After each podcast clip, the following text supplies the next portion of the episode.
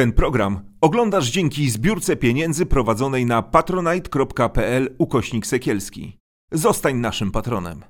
Nazywam się Gośka Serafin i choruję na depresję. Chcę Wam pokazać, że można z nią żyć i nie jest to powód do wstydu. Jeśli masz podobne problemy, nie czekaj, nie bój się, szukaj pomocy.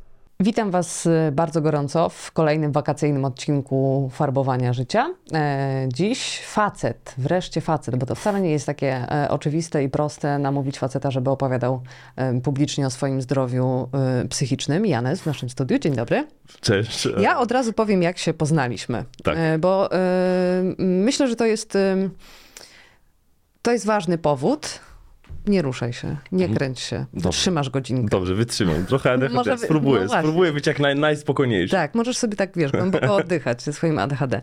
Występowaliśmy razem e, podczas e, jednego takiego wydarzenia. Ja opowiadałam o tym, że kocham układać puzzle, a ty opowiadałeś o samotności i o randkowaniu pod trzydziestce. O Tak. samotności w wielkim mieście. I powiem ci, że jak zobaczyłam tę zapowiedź, e, to już zrobiłam takie o wow, że w ogóle, wiesz, jest facet, Czy który... facet będzie o tym mówił, tak? który się nie wstydzi powiedzieć o samotności, o szukaniu miłości w wielkim mieście i o randkowaniu po trzydziestce i zrobi to przed publicznością.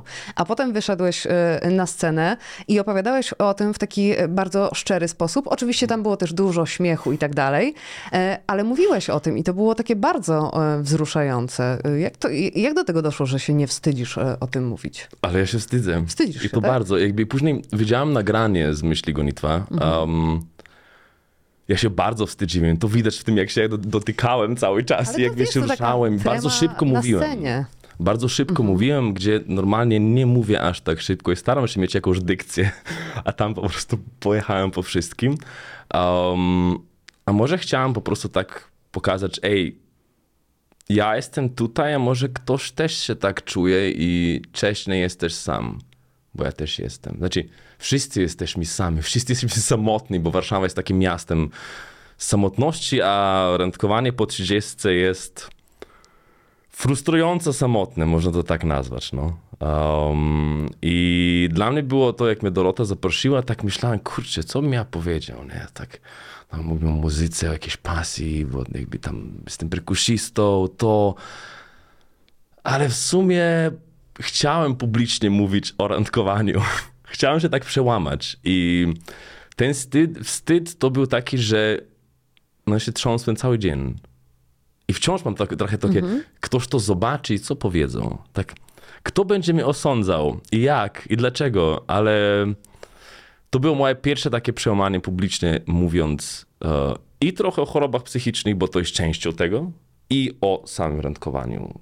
Czy po prostu jak się sam czuję w Warszawie. Też jako obcokrajowiec, tak? Bo no, nie jestem stąd. Tak, bardzo mi się e, spodobało jedna z twoich opowieści i tak pomyślałam sobie, że ja, ja wiem o tym, że gdybym e, cię poznała, to mm, na randce, bo ty opowiadałeś o tym randkowaniu, gdybym cię poznała, to oczywiście, że z takiej ciekawości, uprzejmości i grzeczności zapytałabym cię, co robisz w Polsce, a ty powiedziałeś, że już po prostu po tylu randkach masz już dosyć tego pytania, co robisz w Polsce. I rzeczywiście tak może być. nie? Bo, bo to jest właśnie, jak, to- jak to nazwać? No bo znudzić się opowiadaniem historii swojego tak, życia. I tak. to możesz, nie wiem, bo idziesz na jedną randkę, dwie, trzy, cztery, pięć, no to, to, to powiesz, a jak, nie wiem, idziesz na 25, 30 i takie, co ja mam jeszcze do dodania? Jak ja mogę, nie wiem, dodać jakieś jakieś przymiotniki, dodatkowe słowa upięknić, żeby ta historia była nowa, a ja nie był znudzony jej opowiadaniem. I może z tym nie tylko ja się spotykam, że musisz historię mojego życia, bla, bla, bla, Słowenię, zakochałem, to, tamto, Polska, uj, uj, No tak, przyjechałeś tutaj za miłością, no, Tak, miłość się skończyła, a ty zostałeś. Tak, tak, tak. Znaczy to, że się miło skończyła, to była najlepsza decyzja, którą ktokolwiek mógł podjąć dla mnie. I jakby dziękuję jej dalej, za każdym razem jak, jak się widzimy jej dziękuję, bo to mnie po prostu um, popchało w pewną dorosłość, czy pewną dojrzałość, czy poszu- jakby musiałem, byłem trochę zmuszony poszukać siebie w Warszawie, znaleźć tutaj pracę, bo trochę byłem w pewnym sensie, mi też pomagała jakby przy ogarnianiu pracy i tak dalej, a tam musiałem wszystko sam. I to jest, to było takie... A Dziękuję to- za rozstanie. A to sam y, przerodziło ci się potem w y, samotność?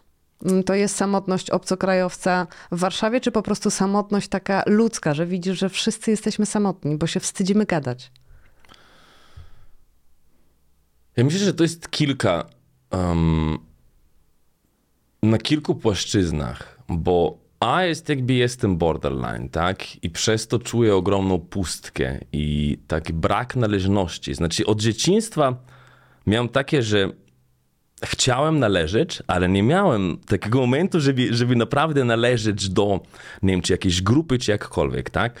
E, Też wychowałem się pierwsze 6 lat w mieście, a później na wsi i to nie jest tak jak w Polsce, nie wiem, przeprowadzi się 25 km poza Warszawę i jest to w sumie wszystko to samo, nie? U nas to jest inny dialekt, w ogóle inni ludzie, to jest inaczej, nie?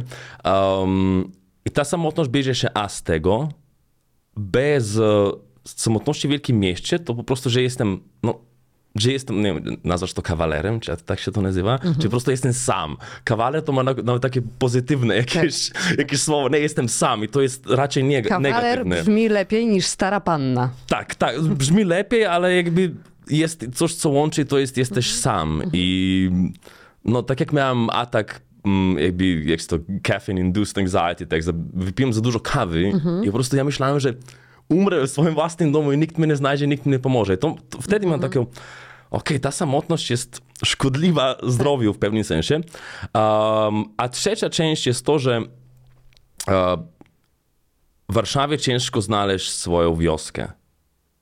Że nie masz tak, gdzieś idziesz i tam masz swoich ludzi. Musisz się umawiać. To jest po prostu przedsięwzięcie, żeby umówić, a żeby połączyć kilka tych grupek takich razem, to jest już w ogóle trzeba z tym się zgadywać, z tym się zgadywać.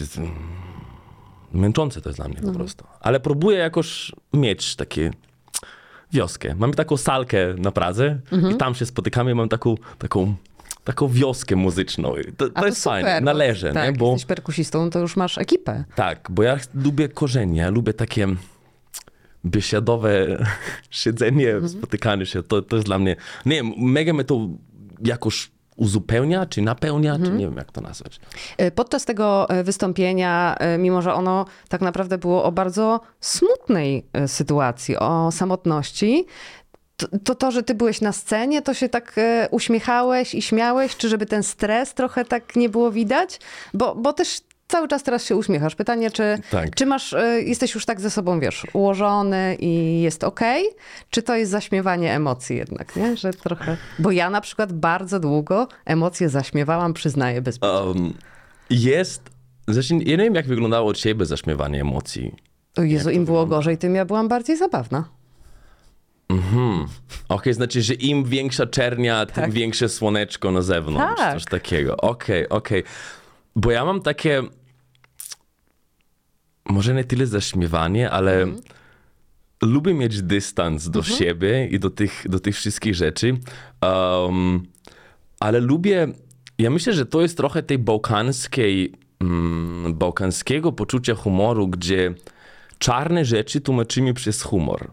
Nie, bałkańskie filmy często są tak ha, ha, ha, ha, ha, ha i tak shit, czarne, koniec, tragedia, nie?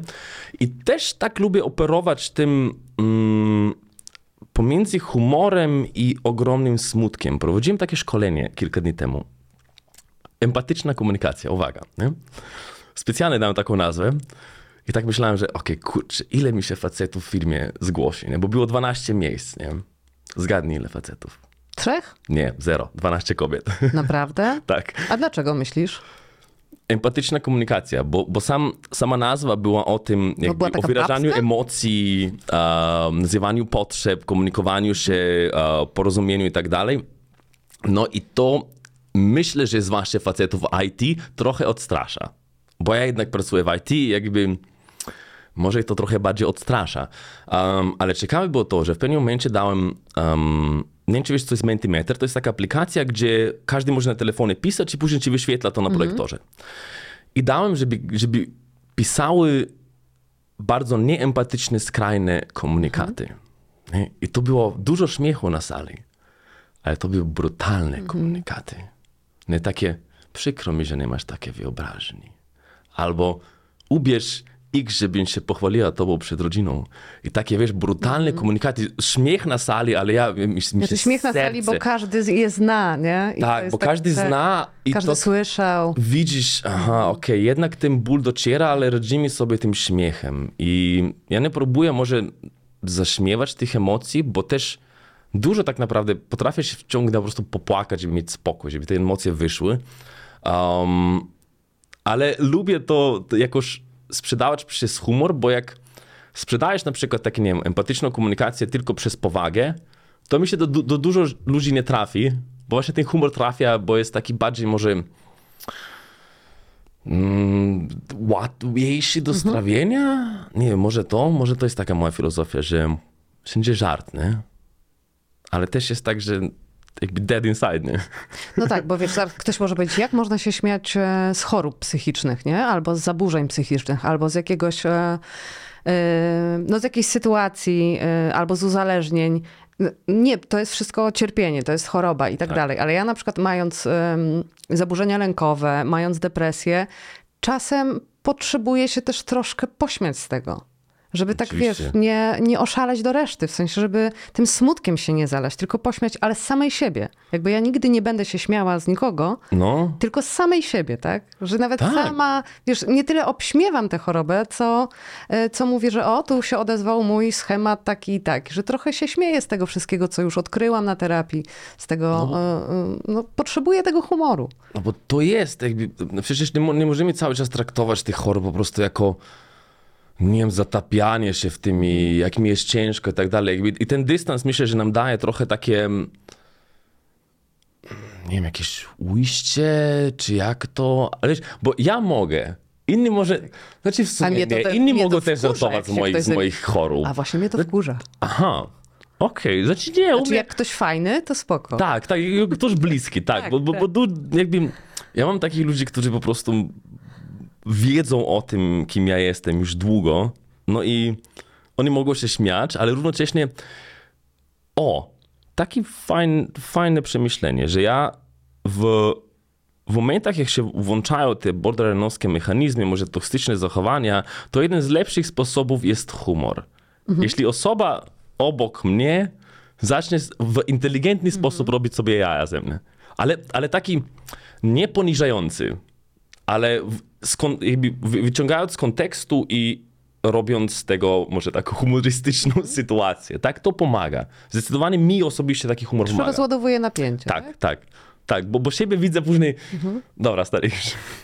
w sumie jesteś trochę śmieszny przy tym swoim e, wkurzaniu się, czy, czy nie wiem, czy, czy szaleństwie, czy jakkolwiek, nie? To, to. Także humor absolutnie jest super sposobem. No. Powiedzenie publicznie o tym, że jest się samotnym i, e, i, i powiedzenie o randkowaniu w wielkim mieście i e, o nieudanych próbach, o przygodach, e, anegdotach, to jedno.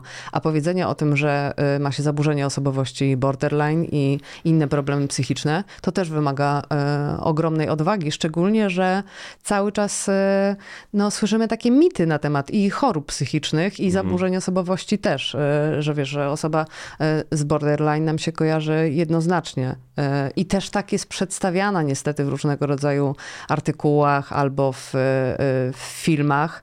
e, Nie że- bez powodu. nie bez powodu oczywiście, ale to jest spektrum, to jest szerokie, to nie musi być e, bardzo e, radykalne. Nie musisz e, e, się samo okaleczać, żeby mieć zdiagnozowane zaburzenie sam, e, osobowości typu e, z pogranicza. Tak, I, i wiesz, bo, bo chodzi o to, że może borderline jest też takim sklejkiem. Ale też jest coś Że- takiego, że jak chcesz kogoś obrazić na przykład, to się mówi, o, ona jest borderline, jak jest niestabilna. Tak, Tak, ale, częściej się mówi o kobietach, to tak. ciekawe. a facet narcyz. A facet narcyz, no tak, tak. Um, wiesz, ja, ja nawet teraz przeżywam ogromny strach, mówiąc o tym, myśląc o konsekwencjach, że ktoś to wykorzysta przeciw mnie, że tak dalej. Jakby ja w tym momencie jakby mam og- ogrom przez całe ciało, czu, czuję takie Ale kto niezręczność. wykorzysta, że em, pracodawca może wykorzystać?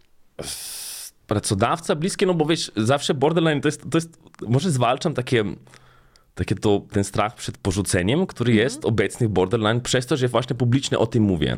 Nie? Że, że może, może ktoś mnie porzucić, że publicznie o tym mówię, ale dostałem wsparcie od bardzo dużo ludzi i nawet z terapeutką ostatnio rozmawiałem i zapytała takie, bo ja mówiłem, że będę mówił o tym i że chcę mówić o tym, ale jestem taki wciąż przestraszony, nie wiem, czy to dobre i tak dalej. Ona mi powiedziała, Janis, ile jeszcze potrzebujesz potwierdzenia jakby od ludzi, żeby zacząć naprawdę robić to, co chcesz robić. A to, co ja chcę robić, jest publicznie mówić o tym, dlaczego, bo ile mamy borderline'ów, którzy publicznie o tym mówią i jak oni zwalczają i w jaki sposób sobie radzą i tak dalej. Nie mamy. Jakby masz specjalistów, terapeutów, psychologów, ale to jest, ja porównuję to trochę do, do Petersona, bo Peterson mówił, chyba w Maps of Meaning i w 12 Rules for Life dużo mówił o uzależnieniach.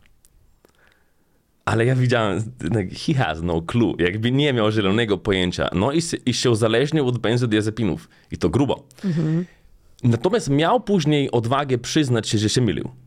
Jakby to jest też, szanuję bardzo, nie? Ale, ale to jest taki, taki, że terapeuta może wiedzieć, natomiast ja w pewnym sensie wiem więcej i jestem w stanie chyba dużo dać ludziom, którzy mają borderline. E, nie wiem, czy to techniki, czy strategie, czy, czy wiesz, nawet sama odwaga, ej, Ale wiesz patrz, co? da się funkcjonować z tym, tak? Ja miałam coś takiego, jak publicznie powiedziałam o tym, że mam depresję. I jakby depresja ma wiele twarzy. Ona ma wiele odmian. Y, A Występ... kiedy to zrobiłaś? Jeśli tak mogę zapytać. Dwa i pół roku temu. Okej. Y, okej. I, bo właśnie zaczęłam prowadzić podcast, tak? W którym na początku opowiedziałam y, swoją historię o swojej depresji. I y, To był pierwszy temat, tak? tak, to był pierwszy wejście. temat. O, ja o tym fajne. po prostu opowiedziałam i potem jak gdzieś się udzielałam i cały czas jak się udzielam i cały czas nawet w tym programie, ja nie mówię, że depresja to jest to i depresja jest taka. Mówię, ja tak mam. Mhm, mhm, mhm. Bo nie będę mówić za kogoś innego, nie? To jest, wiesz, co, co osoba to choroba. Nie ma dwóch takich samych depresji. Tak samo nie ma dwóch takich samych osób z zaburzeniem osobowości, więc e, e, owszem, ja też się bałam tego, że ktoś mi zarzuci, żebym nie opowiadała o depresji, bo wcale ona tak nie wygląda. U mnie tak wygląda. Mam ją zdiagnozowaną. Więc ty śmiało możesz opowiadać o tym, że ty masz takie i takie objawy, w takim na takim nasileniu, w tym i w tym przeszkadzało ci to w życiu i, i powodowało, że e, no, po, to powoduje ogromne cierpienie. Takie poczucie braku przynależności, ta wewnętrzna pustka, która jest w borderline Tak, i to problem. chęć nieistnienia też. Tak. Jakby to i, i tak, jakby ja nie mówię, że ja mam odpowiedzi. Ja nie jestem specjalistą, Boże, nie da, żeby mnie ktoś traktował Mhm. jako autorytet, ale myślę, że po, nie wiem, Boże, 10 latach terapii i po Okej. tyle pracy i zajmowaniu się psychologią i jakby też bardzo mocno jestem aktywny w um, porozumieniu bez przemocy. A to, mi też, to mi też dużo zmieniło. To jest. Tak. kolejny temat, który możemy później poruszyć. Um, no chcę dawać. Chcę dawać i jestem e tam, jestem przygotowany na to, że możemy boleć. Że możemy boleć, że ktoś może to wykorzystać, ale po prostu ja chcę o tym mówić, bo mogę komuś coś dać, komuś coś zmienić, a dla mnie było, pamiętam jak byłem zdiagnozowany, bo ja byłem w Polsce zdiagnozowany. To. No właśnie Znaczy, opowiedz mi o tym, jak do tego doszło, że masz diagnozę y, zaburzenia osobowości? Um, moja, moja była dziewczyna w pewnym momencie powiedziała, ja mam dość do psychiatry.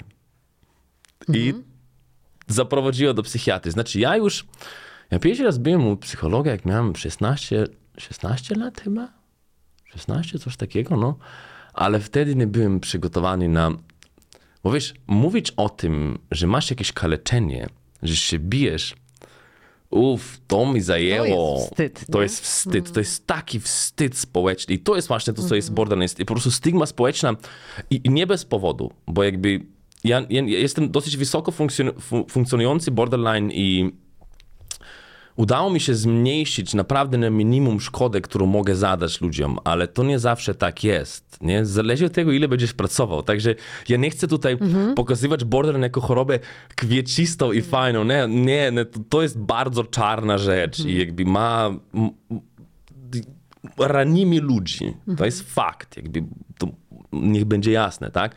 Um, ale no poszedłem na, na, do, tej, do tej psychiatry i ona to słucha i pamiętam, jakby wtedy powiedziała, tak, no, proszę pana, jakby to borderline, nie? Tak, patrz, ale co to, nie? No pan się sprawdzi w domu na Wikipedii, F60,3. Aha, to świetna psychiatra. Ale świetnie, w sumie bardzo dobre podejście, znaczy ona miała twarde podejście, ale teraz jak patrzę, Powinna to- ci powiedzieć. tak, powinna powiedzieć, a z drugiej strony ona mi umożliwiła, żeby później pójść um, na terapię nadolną. to zaraz opowiem, ale chodzi o to, że, że mm, ja jak wróciłem do domu i zacząłem sprawdzać, co to jest borderline, takie pierwszy raz w życiu ja miałem takie poczucie, tak, ja nie jestem sam.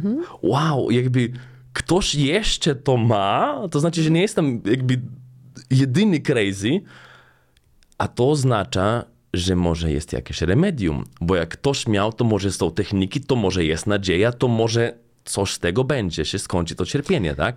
Nie wiem, czy, czy dobrze pamiętam, a może ty, y, może ty pamiętasz, jeśli, jeśli mówię jakąś głupotę, to mnie popraw, ale, bo ja mam pamięć straszną.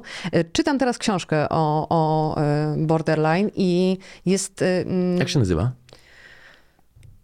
bardzo śmieszne pytanie. Chciałeś mnie teraz ośmieszyć, to ci Nie, nie bo nie chciałem, nie bo może- pamiętam. bo- okej, To okej, Powiem ci to później, mów, jak sobie ją zobaczę. i może no, nie sobie pamiętam przypomnę, tytułu. no. To jest też poradnik, więc y, y, czytam tę książkę i tam jest dziewięć objawów. Mhm. W kryterium diagnostycznym jest dziewięć bodajże i chyba trzeba pięć czy sześć spełnić, żeby to, y, to było, wiesz, zakwalifikowane jako borderline. Ym, Co powiedziałeś y, tej psychiatrze? Które, jakie rzeczy są najbardziej właśnie takie powodujące, że, że ranisz i też, że cierpisz? Czy to No jakby I hate you, don't leave me jest taki mechanizm, Tak, nie? Jakby tak, nienawidzę cię, nie, zostaw odchodź. mnie. Tak, No, tak, tak. Jest też taka książka, bardzo dobra. Tak, tak. Um, i, I w sumie ta książka ma ciekawe, ciekawe pokazuje pewne mechanizmy. E, także zdecydowanie jest to, strach przed porzuceniem. Zdecydowanie jest um, niestabilna mm, wizja siebie. Nie? Ja mogę, się mm, o 8 rano będę się sobie podobał, o 9.30 m, będę myślał, że jestem I to jest brzydkim. męczące, bo to nie jest dwa tygodnie takie, dwa tygodnie takie, tylko to jest z godziny na godzinę. tak, nie? to nie jest bipolar, który masz przynajmniej miesiąc manię, a później masz No. miesiąc depresję. Nie, to jest po prostu takie. Mhm. W przeciągu godziny, półtorej, kilka razy Tak. dziennie to się po prostu zmienia. Um, kaleczenie, Mhm. zdecydowanie. Um, skłonność do uzależnień, Mhm. zdecydowanie. Um, co jeszcze? Wrażliwość, jakby bardzo mocne emocje. Mhm. Ja, ja sobie sobie później uświadomiłem, że ja ja odczuwam emocje mocne od ludzi Mhm. i dlatego tak też to, to szczęście jest mocniejsze i ten smutek jest mocniejszy. Co jest fajne przy byciu artystą. No tak, pomaga. bo i z te, o tym i o tym można coś zagrać. Tak, tak. Smutno. moje, moje piosenki smutne, które piszę są naprawdę smutne, a wesołe są naprawdę wesołe. Um, I co jeszcze tam miałem? Um, no i później jest ta manipulacja w związku, która Mhm. się pojawia, który często, często nawet nie pamiętam, no bo jestem sam. Mhm. I jest tak, że jak jestem sam, to prawie tych mechanizmów, one są dosyć okiełznane. I dopiero w związku mi się te mechanizmy pojawiają. I dlatego ja mam taki, sobie piszę taki poradnik, wiesz? Znaczy poradnik. Taki instruction book e, dla potencjalnych partnerek. Co robić, gdy się zdarzy to? Co robić, gdy się zdarzy to? Co robić, gdy się zdarzy to? Żeby nie doszło do eskalacji, bo jakby cała filozofia radzenia z borderline moim zdaniem jest harm reduction, bo nie, nie osiągniesz tego momentu, żebyś nie ranił ludzi. Ja myślę, że to nie jest możliwe, bo prędzej czy później będzie jakaś sytuacja konfliktowa, która tak emocjonalnie cię wykolei, wykoluje, że no stracisz kontrolę. I no, I jak sobie z tym e, radzisz? Jak, jak się tego uczysz? czego dokładnie? No tego, żeby nie tracić kontroli. E, stawianie granic. Ja myślę, że to, bo, bo to jest takie, że to myślę, że mnie też terapeutka nauczyła w sumie, że jak widzę, że nadchodzi to, bo to się dzieje już w ciele, się zaczyna dziać, później mózgu i widzisz jak, jak słowa, że zaraz będziesz niemiły, zaraz będę niemiły, a nie chcę być. I to jest, stawiam granicę i zatrzymuję rozmowę. To, nawet jak muszę fizycznie wyjść, po prostu zatrzymuję. I to jest ciężko też zaakceptować drugiej osobie, bo większość ludzi tak nie ma i może normalnie się kłócić po cały Dlaczego dzień. nawet. wychodzisz, jak ja do ciebie mówię? Tak, albo gro... też miałem taki związek, gdzie były groźby, gdzie chciałem zostawić rozmowę i później jesteś uwięźniony. Jeśli wychodzisz, to będzie źle, jeśli zostajesz, to będzie źle, jesteś taki, u, jaki sos, nie? Bezradny, bezsilny. I to później się już bardzo takie nieprzyjemne sytuacje dzieją, tak? To jest, no to jest dosyć, mm, jak to nazwać, że wiesz, zawsze Mm, a, zawsze, widzisz, to jest ciekawe słowa. Tak, zawsze, zawsze i nie? nigdy. Zawsze i nigdy, tak. Um, nie wiem, co by tutaj jeszcze w sumie dodać, nie? Jakby ja radzę, ja radzę sobie z tym, że ma, stawiam granice i że nauczyłem się komunikować emocje i potrzeby. Ja myślę, że terapia sama przez duże lata, Boże, so- wczoraj, wczoraj jak myślałem, miałem przemyślenia, nie, że ja w terapii rzuciłem chyba za jedną czwartą hipoteki. Tak? Tak. Znaczy może trochę mniej, no ale jakby to jest naprawdę dużo pieniędzy. Ale to wiesz, inwestujesz w swoje szczęście, swoje dobre życie. Tak, No. war, absolutnie warto każdego grosza. Um, ale NVC mi zmienił jako system, którego możesz pokazać też partnerce, partnerowi, że ok, jak wyrażać emocje, nie? I że mamy pojęcie emocji rzekomych, e, które są no raczej dosyć może żebym tutaj nie nazwał źle, ale po, potrafią być toksyczno szkodliwe wyrażanie w taki sposób, a masz listę emocji, masz listę potrzeb i jesteś w stanie jakoś się zrozumieć. No i myślę, że empatia jest odpowiedzią w tym, że e, u mnie w kłótni, gdy osoba jest w stanie wyrazić emocje według tej, powiedzmy, tej listy emocji i potrzeb, to ja jestem w stanie widzieć człowieka, a ona we mnie. Bo w kłótni my nie widzimy człowieka, my widzimy wroga. I jakby chcemy wygrać, nie? Racja. Moja racja jest najmojsza, jak to w Dzień Świra było, tak? I ta racja jest, myślę, niszcząca. I to jest, to jest ta filozofia, którą się trzymam. Albo racja, albo relacja. Ja nie chcę mieć racji już. Ja jestem zmęczony tak. posiadaniem racji. No jakby mnie z to. tego nie wynika nic. Nie, W sensie nie. nic. Nic Masz dosłownie. rację i dobra, i sobie siedź sam. Tak, i później jakby i tak jesteś sam. Nie? Tak. Masz rację, samotną rację. Nie chcę samotnej racji. Tak. Właśnie w jednej z tych e, książek i Nienawidzę cię, nie odchodź i e, tej drugiej o, borderline, życie na krawędzi, chyba nie pamiętam. Mhm, możliwe, no. Możliwe, cał, e, całkiem to możliwe, bo, bo niedawno, no wczoraj ją czytałam, no ale widzisz. Jest mowa o mm, o tym, że to zaburzenie osobowości, borderline, bierze się też między innymi z rzeczy, które się wydarzyły we wczesnym okresie naszego życia, ale nie musi to być dzieciństwo, takie wiesz, y, początkowe, że to jest kwestia też zaburzenia więzi, jakiegoś takiego pozostawienia emocjonalnego, fizycznego przez y, opiekuna. Może to być w, w późniejszym wieku, przy czym jest ta ostrożność, jeżeli chodzi o wiek nastoletni, bo tam wahania nastrojów są bardzo rozwojowe i to jest takie dotyczące no, tego hormonalno-rozwojowego wieku. Y, Ale chodzi o to przede wszystkim, że wynika to z, no, z niezaopiekowania e, pewnych rzeczy u e, człowieka. I te książki też świetnie opisują, na ile środowisko i czasy, w jakich żyjemy, też wpływają, mogą wpływać na e, rozwój tego e, zaburzenia, że właśnie e, mówiłeś o tym braku przynależności. I mamy ogromny brak przynależności e, przez migrację, przez to, że się, że nie ma już tych wiosek i wielopokoleniowych rodzin, prawda? E, Że, że no jesteśmy samotni w wielkim mieście, czy w mniejszym mieście, ale jest ta samotność. Czy ty e, szukałeś czegoś takiego u siebie w, w swojej historii, w swoim życiorysie, co było jakimś jednoznacznym przy- powodem do tego, że to zaburzenie osobowości mogło się u ciebie rozwinąć? Jakaś Tak. taka duża trauma, czy małe y, traumy, które się ciągnęły? Mm, Ja myślę, że du- duża trauma, ja myślę, że tutaj uży, używanie Mhm. słowa duża albo mała jest takie, im więcej przerabiasz traumy, tym mniejsza się one staje. A, no. Ta, ta, tak, tak, tak, myślę, tak, tak, nie? masz rację, no, mo- to, mhm, tak um, I i ja wiem, jakby ja miałem, e, jak się to mówi, distant father. Um, no, ojciec to nie był super obecny, Mhm. tak? To jest pierwsze. Znaczy, pierwsza rzecz była ta przeprowadzka z miasta na Mhm. wsi, bo wiesz, już w żłobku się tworzy hierarchia. Tak.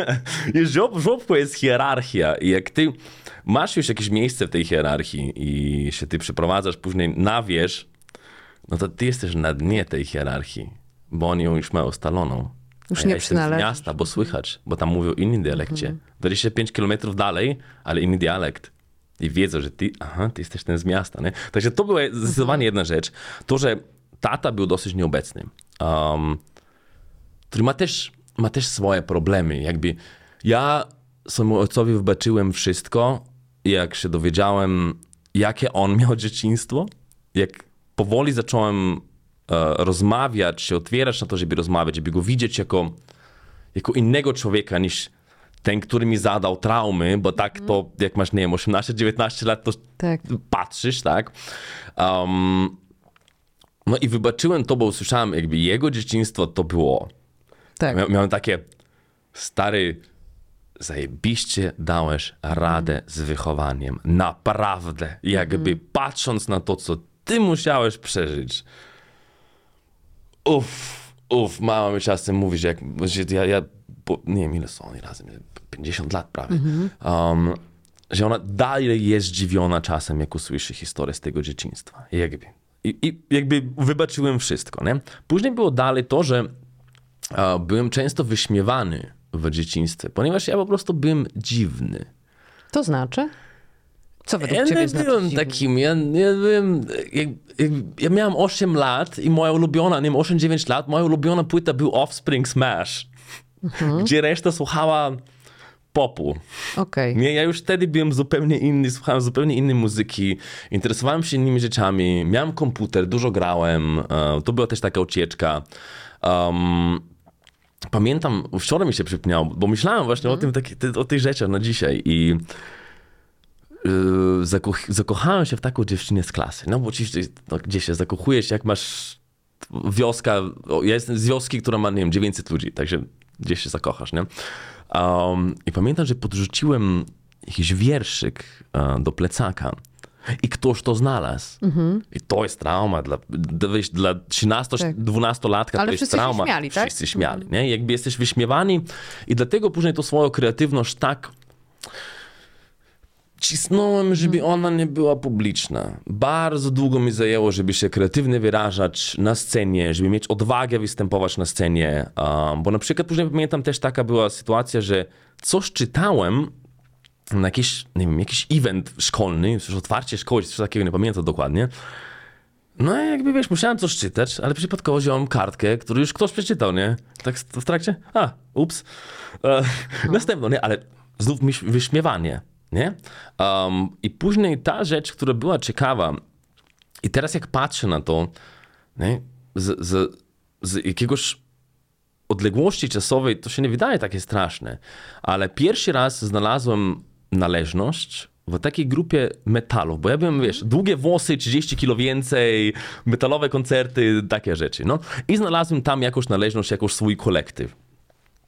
I ten kolektyw z jakiegoś powodu, ktoś sobie wymyślił, że ja pijany kogoś popchałem do jakiejś wody i wszyscy się odwrócili przeciw niej. I to był trochę taki internetowy kolektyw, gdzie później ja byłem przez cały internet wyśmiewany, bo to było takie, wiesz, internet w 2002 to był trochę inna rzecz niż teraz, nie? Był mniejsza i ludzie się znali. I to myślę, że spowodowało to ten cały strach przed porzuceniem i przed tym, że ja dalej mam takie mm, strachy, bo wiesz, jest taka fuck, to znaczy, że ja myślałem źle, ja, ja żyłem w swoim świecie, który nie był prawdziwy. I dalej mam czasem takie poczucie, że bliscy mi ludzie mogą to, coś takiego zrobić. Istnieje taki strach. Ten strach jest tak wryty i zawsze będzie. Dlatego tak dbam o bliskich mi ludzi i próbuję z nimi mieć bardzo otwartą komunikację. Też jak coś, co źle robię, żeby mi to mówili wprost. I to chcę, żeby mnie ktoś korektował przy moich może nieodpowiednich zachowaniach, bo po prostu ten kolektyw jest dla mnie tak znaczący. Um, także myślę, że te rzeczy są zdecydowanie, co dotyczy porzucenia, a samej złości, kaleczenia, nie wiem, to myślę, że przyszło jakoś, nie wiem jak to przyszło w sumie. Zaczęło się, ale wiem, że problemy ze złością się zaczęły już, nie wiem, jak miałem 12-13 lat. Przy grach komputerowych, to jest śmieszne, tak. Jak tak patrzę, tak. To, tam się zaczęło. Jakiś, nie wiem, zniszczony joypad, zniszczony, zniszczone klawiatury i tak dalej. I długo później nie potrafiłem z tą złością poradzić. Znaczy, bo złość nie była miła widziana u mnie w rodzinie też, nie? Nie wyrażało się złości. Znaczy, ta, tata wyrażał, ale w taki sposób też impulsywny, nie? To po, po nim mam tę złość taką, taką impulsywną. Tylko, że on nie niszczył rzeczy, on po prostu... A ty niszczysz czy krzyczysz, czy co? Ja nic Czy już nic? teraz. Teraz już Okej. dosłownie mi się nie udało już latami ani krzyczeć, ani niszczyć. E, ale też się nauczyłem, e, to była niesamowita dla mnie zmiana, gdzie mi terapeutka powiedziała, stary, weź poduszkę, w nią krzycz. Tak. Słyszałam o tej metodzie i że to jest czat. Ło, to było dla mnie ło, niesamowite. Ja mogę po prostu krzyczeć. Tak. Ja potrafię, jak mam naprawdę taki nadmiar złości, to ja biorę tę poduszkę i tak krzyczę do tej poduszki przez minutę, dwie, bo wtedy wychodzi ten barbarzyńca, nie? Jezu, jak ty to nazywasz? Barbarzyńca, po prostu, No wiesz, dobrze. takie te pierwotne rzeczy, ale w sposób kontrolowany. Nie, nie tracisz, nie, nie, nie, nie, nie, nie krzyczysz na nikogo, nie niszczysz niczego, ale po prostu do tej poduszki, bo jak już wyjdzie ten, nie, nie wiem jak ten hormon nazwać, czy to jest seroton, nie, nie wiem co to wyjdzie, nie, nie jestem specjalistą, nie chcę tutaj sobie zrobić wstydu, że to źle powiedzieć, ale jak wyjdzie już te emocje, no to ja już mogę normalnie oddychać i wrócić do nie, normalnego funkcjonowania w, w świecie, tak? Także to jest super sposób, polecam jakby każdemu na radzenie ze złością. Krzyczysz w poduszkę. Ekstra. E, A mm, czy y, to zaburzenie osobowości, zanim zostało zdiagnozowane, zanim zacząłeś odpowiednią terapię, to, y, bo zaburzenia osobowości i choroby też y, lubią się łączyć. Tak jak powiedziałeś o tym, że, że zaburzenie borderline często w uzależnienia. Tobie w coś, w coś ci poszło, w jakieś uzależnienie, czy na przykład w jakiś e, e, inny kryzys psychiczny, depresja, zaburzenia lękowe, coś takiego? Um, zaburzenia lękowe, znaczy późno sobie zacząłem zauważać, ja zawsze myślałem, że piję za dużo kawy, a później się okazało, że ja mam po prostu, bo, bo ataki lęku to jest anxiety attack, Tak. tak. tak? Że mam ataki lęku. To jest na przykład było dla mnie, dosyć późno sobie uświadomiłem to, Że to nie od kawy, tak? że to nie od kawy, a że to od, od, od tego. Depresja, nie wiem, e, nie chcę się wypowiadać, bo nie wiem, czy to Ale miałeś jest zdiagnozowane, y, miałeś zdiagnozowane coś oprócz y, zaburzenia osobowości? Oficjalnie nie, um, natomiast myślę, że ja potrafiłem mieć takie depresyjne okresy przez 3-4 miesiące, gdzie no, jakby taki życiowy minimum. Nie? Do pracy zrobię to, co trzeba, zamknąć się do domu i jakby i jeść i oglądać YouTube i to jest wszystko. I po prostu brak, co rok mam tak. Jakby dalej wpadam w taką czern i nie wiem, czy to nazwać depresja, bo jakby tam nie ma poczucia sensu w życiu, nie mam po- motywacji, nie mam akceptacji siebie i... Ale i tak walczę. Bo dalej walczę, Te, teraz walczę, wtedy nie. Dodatkowo no, problemy z koncentracją, nie wiem czy ADD czy ADHD, ale w sumie tak to upewniłem się, że mam ADHD może jakiś rok temu i zacząłem się pogłębiać i widziałem, że o, ha, okej, te rzeczy na przykład, nie, aha, no, Ale nie, nie, nie robiłeś sobie e, e, diagnozy, nie, diagnozowałeś e, ADHD, nie. bierzesz na to leku. Nie, nie bierze na to. Nie A brałeś, nie, w ogóle miałeś włączone leki? Czy- Tak, tak. Przez 5 lat brałem um, tak zwane stabilizatory nastroju. Okej. Mhm. Um, miałem trochę szczęścia, trochę nieszczęścia. Uh, to jest tak, masz fajnych psychiatrów i masz niefajnych psychiatrów. Um, jest niestety są psychiatrzy, którzy trochę eksperymentowali na mnie. I wiesz, brać trzy, trzy różne leki i tak trochę tego, trochę tamtego. Ja w pewnym momencie przyszedłem do pracy, a nie mówię, mówisz mi, że tak, co to jest w ogóle, nie? I poszedłem do innego psychiatry i ja tylko, aha, to ten. Dobra, to zdejmiemy cię z tego, zdejmiemy cię z tego i zostań na tym. Um, także tak, um, myślę, że stabilizatory nastroju były bardzo potrzebne w pewnym momencie. One też pomagają przy terapii, nie? Że jak już masz, jakby nie masz tych skoków, to możesz się zająć, masz więcej energii do, e, do terapii. Myślę, że ona lepiej działa. Nie tylko więcej energii, że lepiej Tak, działa. Bo lepiej mi terapeutka powiedziała w pewnym momencie, że patrz, zastanów się nad lekami. Po prostu zastanów się, bo moim zdaniem będziemy w stanie osiągnąć więcej. Uh, szybciej, więcej i lepiej. I długo wszyscy mi mówili, że nie. Jakby trochę się konsultowałem z ludźmi. Także tutaj publicznie powiem, Krystyna, dziękuję, że, e, że mi powiedziała, że spróbuj. Bo Krystyna jest moja bardzo dobra koleżanka ze Słowenii. Um, I dzięki niej poszedłem w to. Bo jej zaufałem, powiedziałem, spróbuj, stary, zobaczysz. I ile? 5-6 lat brałem. I później takie ciekawa motywacja, nie? To, to, to, to może mój, mój narcyz trochę wychodzi. Jak mi zaczęły wypadać włosy, To kurna, już nie. chcę, ja lubię swoje włosy, nie? Zrobię wszystko, żeby nie musieć brać tych leków. świetna motywacja. Tak, zajebista, ja chcę mieć swoje włosy, nie? I... Znaczy, I, i, ja to- Czyli będziesz więcej jakby angażował siebie też w, w terapię i, i wiesz, i robił rzeczy, żeby sobie pomóc, tak? A, A, tak, a tak, grzywa jest super. tak, tak, po prostu wiesz, chciałem mieć włosy, chciałem po prostu, i, i te włosy mi spowodowały, że po prostu zostawiłem te leki, też terapeu, nie terapeutka, psychiatra mnie wtedy zdjęła, ona sama powiedziała, że ej, w sumie dobrze ci idzie, może spróbuj bez. I to jest też taki szacunek, nie? Do, do, do, do, do niej mam, że ej, jakim musisz być człowiekiem, że powiesz, że ej, nie płać mi już pieniądze, nie przychodź do mnie, zdejmie cię z leków, wiesz, to jest też Tak.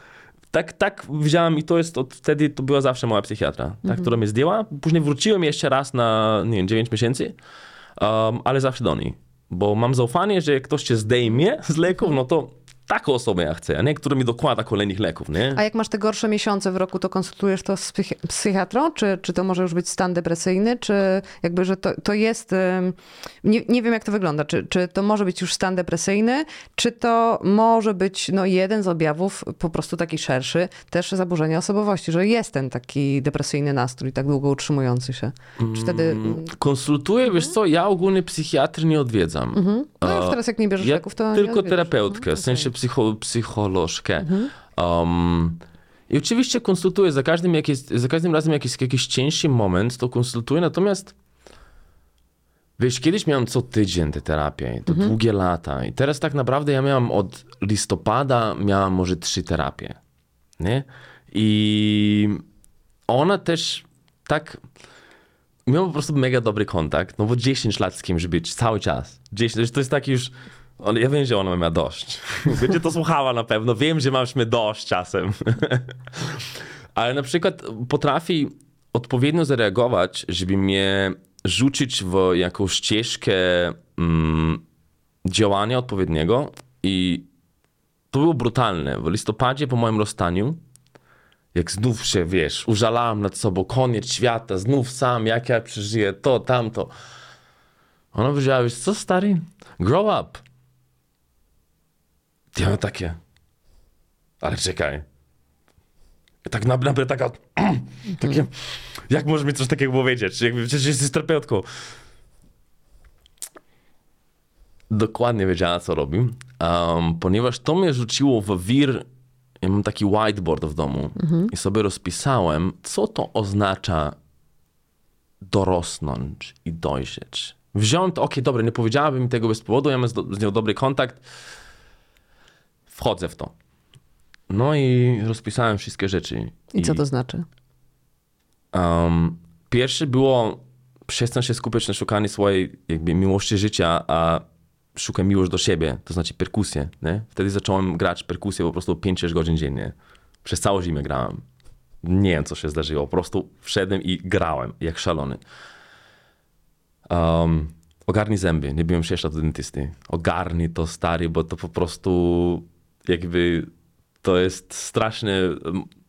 No, odkładanie, prokrastynacja. Jestem strasznym prok- prokrastynatorem, statuetkę mi proszę przynieść. Kolejna rzecz. Mogę ci dać srebrną, bo ja mam złotą. Okej, mogę, mogę być, mogę być srebrnym prokrastynatorem, z chęcią, z chęcią.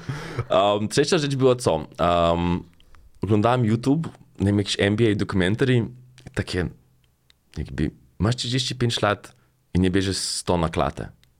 Co robisz swoim życiem? Następnego dnia poszedłem do siłowni, się zapisałem do siłowni i już biorę 85 na klatę. Nie jest to, ale jakby jest, jest coś, nie? Kolejna rzecz była um, otwarcie się co do tego, do mówienia o borderline, o, o sobie, występować publicznie, to i zbudowanie kontaktu e, ze swoim ojcem.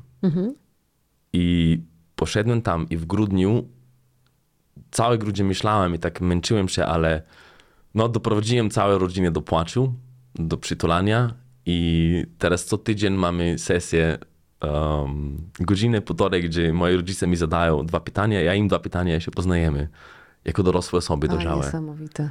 Um, I dzwonię do rodziców często, mówiąc, jak im kocham. Um, zacząłem im mówić rzeczy, które mega dobrze zrobili w wychowaniu. Jestem im wdzięczny, bo ja dzięki im, dzięki podstawom, które mi da, da, dali i też jakby genetyczna loteria inteligencji, um, jestem tam, gdzie jestem. Jakby jestem im niesamowicie wdzięczny. Mamo, tato, dziękuję. Jakby traumy, traumami, ale teraz ja uczę rodziców emocjonalnej inteligencji, wybierania jak, emocji. y, ciężko im było się przełamać, żeby wiesz, zacząć tak y, rozmawiać? Ja widzę, że ma, mama, mama ma mniejszy problem, bo mama jest ogólnie bardzo empatyczna i też taka rozmowna o tych rzeczach. Tata natomiast nie. A ta widać w jego ciele, jak to. Ale po co o tym gadać? To było, minęło, w ogóle o co chodzi? Nie, po prostu on jest, bo, bo on jest w jakiś sposób zaintrygowany tym. Jest, tym, że ja się otwieram i on się otwiera, poznajemy się i tak dalej. Um, no zapytał mnie, jakie są moje cele w życiu, patrz. To było dla mnie takie, aha, okej, buduje się tutaj coś niesamowitego i problematyczne jest to budować że oni są swojeni, a ja tutaj. Nie? Także jestem trochę ograniczony, ale skok. Brat, mój brat jest 11 lat starszy. Też z nim zbudowałem. I zacząłem budować jakby swoją rodzinę ponownie. Poprzez jakby wybaczanie i nazwanie tych rzeczy i przede wszystkim wdzięczność do nich za to, co mi dali, bo po prostu jakby Boże, uwielbiam to. Tak. A to było, ym, to było coś, czego pragnąłeś? Jakby odbudować tę rodzinę, ją zbudować? Yy, tak? Tak, bardzo, bardzo, bo, bo zawsze byłem czarną owcą, wiesz, ja, mnie, ja nie zdałem liceum w wieku 17 lat, dwa razy nie zdałem klasy i no, co, co się zdarzy, koniec, nie, nie, nie możesz już. Um, I to była totalna, no bo mój tata jest doktorem nauki. Okej. O, mama jest magistrem, brat jest magistrem, wiesz, fizyka, inżynier, ekonomia, a ja liceum nie zdałem, nie? E, no i to było bardzo ciężko. To było bardzo ciężko dla nich. Bo, znaczy, ja teraz rozumiem, że oni chcieli dobrze dla mnie. Jakby. Oczywiście, że Mój tata tak. chciał, żebym ja był niezależny, żebym Tak. osiągnął coś Rodzice życiu. chcą dobrze dla swoich dzieci, Tak. zawsze. Mają intencje dobre. Um, no i co? I no i tego liceum nie zdałem. No i to była totalna katastrofa. No. Później go zdałem w wieku 23 lat dopiero. Nie? I um, tak. I później robiłem, wiesz, ja, ja, ja miałem mieć nic. Ja pracowałem jako ochroniarz, recepcjonista za minimalną krajową. Byłem pewny i wszyscy dookoła mnie byli pewni, że ja nic, Nic osiągnę i nic ze mnie nie będzie. I jakby ja tak tkwiłem, czułem się e, jako najniższa kasta społeczeństwa. To tak. No i później Polska przyszła.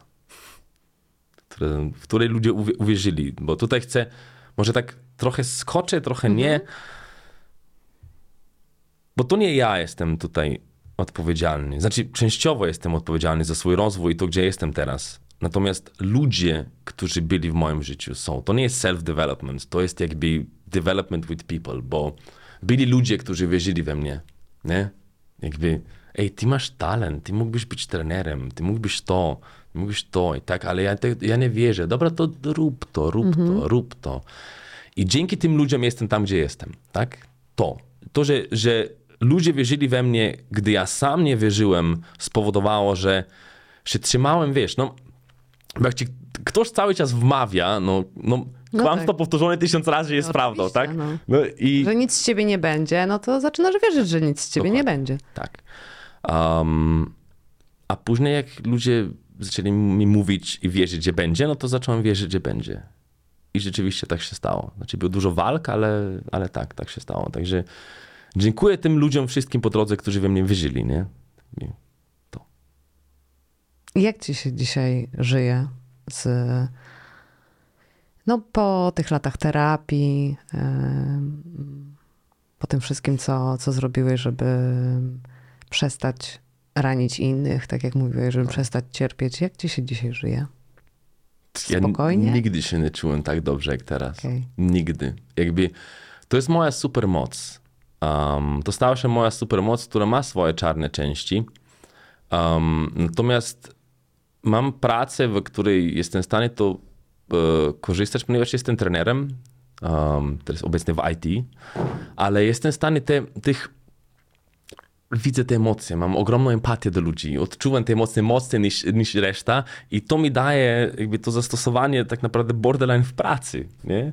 Mi się bardzo dobrze żyje, bo też ten sport dużo zmienił, jakby ta terapia, em, no po prostu ja żyję swoje najlepsze życie em, i to jest wszystko wynik tej pracy. To nie jest tak, że nie wiem, mi się trafiło. Znaczy miałem trochę szczęścia do ludzi, ale też może nieszczęście, bo mam taką energię, że przyciągam chyba takich ludzi i nie, może to widać, że jest taki, taki szczery i jakby relatively harmless. Nie wiem, tak się czuję. Próbu- Próbuję być relatively harmless. Tak, tak, to, to.